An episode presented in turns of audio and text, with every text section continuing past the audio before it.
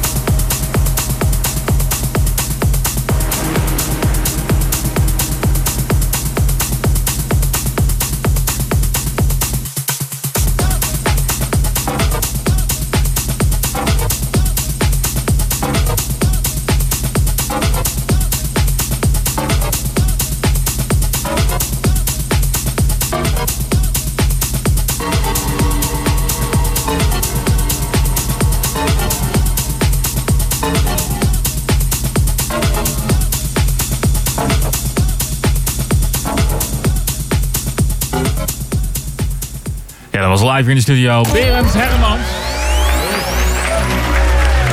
Eerste, uh, ja, eerste gast eigenlijk uh, sinds ja. 13 weken. Berend, uh, aangeschoven hier nu bij de microfoon. Goedenavond. Hey. Goedenavond. Hey, toffe set. Ja, thanks. Hoe, hoe is het? Ja, gaat goed. Ja? Het is mijn eerste keer live een set doen. Dus mm. het is volgens mij een succes. Maar... Ja, ik, ik vond het bij deze een succes. Top.